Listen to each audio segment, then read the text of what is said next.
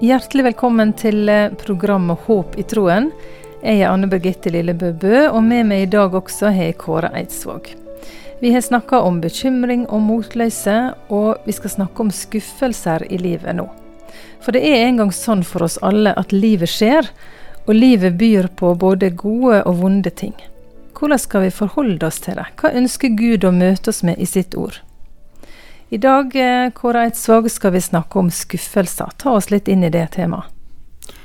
Ja, det er jo slik at livet det blir ofte ikke slik som vi hadde tenkt. Og da blir vi skuffa. Jeg syns vonbråten det er et veldig godt ord. Vi vona noe, og så brast håpet. Og eh, så blir vi skuffa. Og det blir vi stunder over livet. Vi hadde planer og tenkte at livet mitt det skulle bli sånn og sånn, men så blir det ikke det. Det er veldig mange av oss som kjenner oss igjen i det. Og så for det andre så blir vi skuffa over oss sjøl. Og det er mange som sliter tungt med akkurat det. Og som en sa, jeg klarer ikke tilgi meg sjøl. Og for det tredje så kan vi bli skuffa over andre mennesker. Andre som gjør oss noe vondt, eller sier noe, eller en eller annen opplevelse i forhold til andre mennesker som eh, sitter der, og som har gjort oss vondt i livet. Og da er det at eh, disse skuffelsene, de gjør lett noe med oss, og som eh, preger oss, både kanskje med holdninger og med ord. Ja, hva, for hva skjer med oss da, Kåre? Kan du si litt mer om det? Ja, det som veldig lett skjer, det er at vi blir bitre. Får et bittert sinn, en bitter tanke. Eh, og tankelivet vårt det blir prega av dette. Bitre og sure, og vi blir så lei oss. Og eh, dette taler Bibelen ofte om, og nå skal jeg bare ta med ett vers foreløpig, og det finner vi i Hebreabrevet 12,15. Der står det at sjå til at ikke noen går bort fra Guds nåde. La ingen beisk rot fra vekse opp og gjøre skade, så mange blir forgifta. Vi skal merke oss et par uttrykk her. For det ene er det brukt ordet rot. La ingen beisk rot. Og du veit, ei rot, den ser vi ikke, den er skjult, men den gir næring til noe som vi ser. Mm. Og slik er det også med bitterhet. Den opererer på det skjulte plan, men det gir næring til noe som blir tydelig for andre mennesker. Og for det andre så gjør den skade, og mange blir forgifta, står det videre her. Altså, vi sprer noe rundt oss som ikke er bra for oss sjøl og for andre. Det skader ikke bare seg sjøl, men òg andre. Akkurat, ja. Mm. Det andre ordet som jeg ville nevne, det finner vi i Efeserbrevet kapittel 4, vers 31 og 32. Vær ikke harde, hissige og sinte, og halt opp med skrål og spott og all annen vondskap Vær gode mot hverandre og vis medkjensle, så det tilgjev hverandre, liksom Gud har tilgjevet dykk i Kristus. Vi skal merke oss de tre første ordene der. Vær ikke harde, står der. Det mm, kan lett skje med oss at vi går rundt med et hardt hjerte. Og det kan vi ha, sjøl om vi kan være bibeltru og ha et godt syn på mange ting som vi synes, være moralsk gode mennesker osv., og, og ha et godt skussmål, men hjertene våre kan bli harde, og det sier Bibelen mye om, eh, at eh, vi må tas i vare for eh, som ikke går rundt med et hardt hjerte. Ja, Det er ikke uvanlig det, Kåre, verken i menighet eller familie?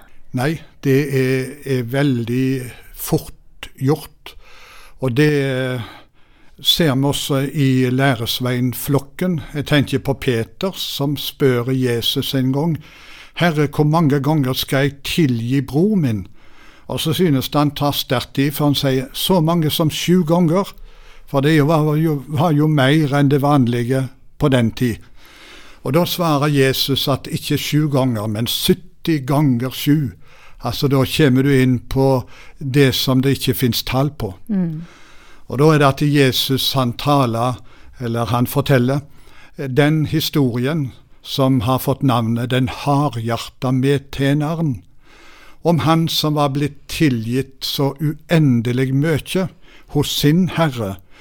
Og så kommer han ut ifra dette møtet, og så møter han en som er skyldig han bare bitte lite grann. Mm. Og så tar han strupetak på han for at han vil ha det tilbake med en gang. Og da sier Jesus at hvis ikke vi vil tilgi hverandre, så mister vi tilgivelsen hos Gud. Det, vi går altså med et hardt hjerte, og det er veldig farlig for oss, for da kan vi miste Guds nåde. Men hva kan en gjøre da, Kåre, hvis en kjenner på det med bitterhet?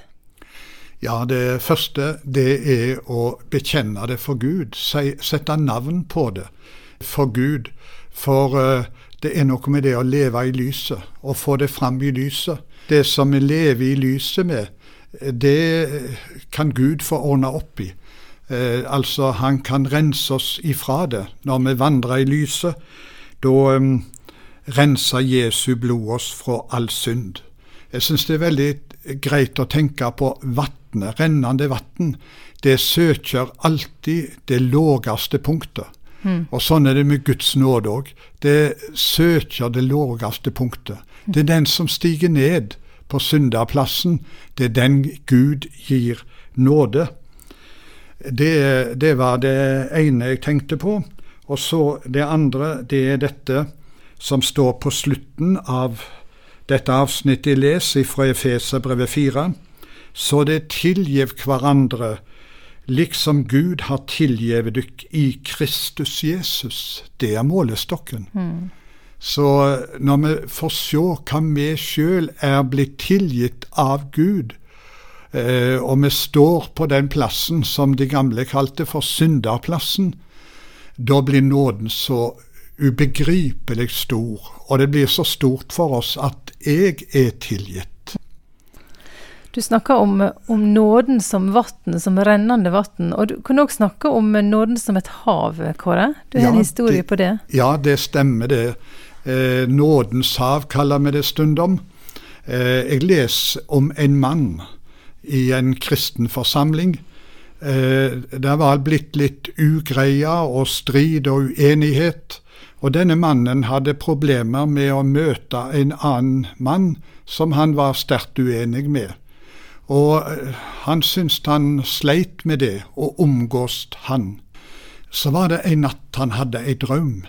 Han drømte at han sto på ei strand, og han så utover, det var bare hav, og det havet bar navnet Nådens hav. Og så ble han bedt om å gå uti, og han begynte å vasse, og kom til kne og hoftene og skuldrene, og da møtte han til å symje, og da var det bare hav. Og så tenkte han å, det er bare nåde. Det er nåden som holder meg oppe, og som jeg flyter på. Og det som han ble så overraska over mens han symde der, så møtte han denne andre mannen som han hadde så vanskelig for å møte. Han lå og sømde i det samme nådens hav. Og da prella det vekk alt dette som han hadde så mye imot han for, for han så at vi er omgitt av den samme nåden, og det er den samme nåden som holder oss oppe. Det gjorde noe med han. Og slik er det med oss alle. Vi flyter på nådens hav, og vi er omgitt av bare nåde.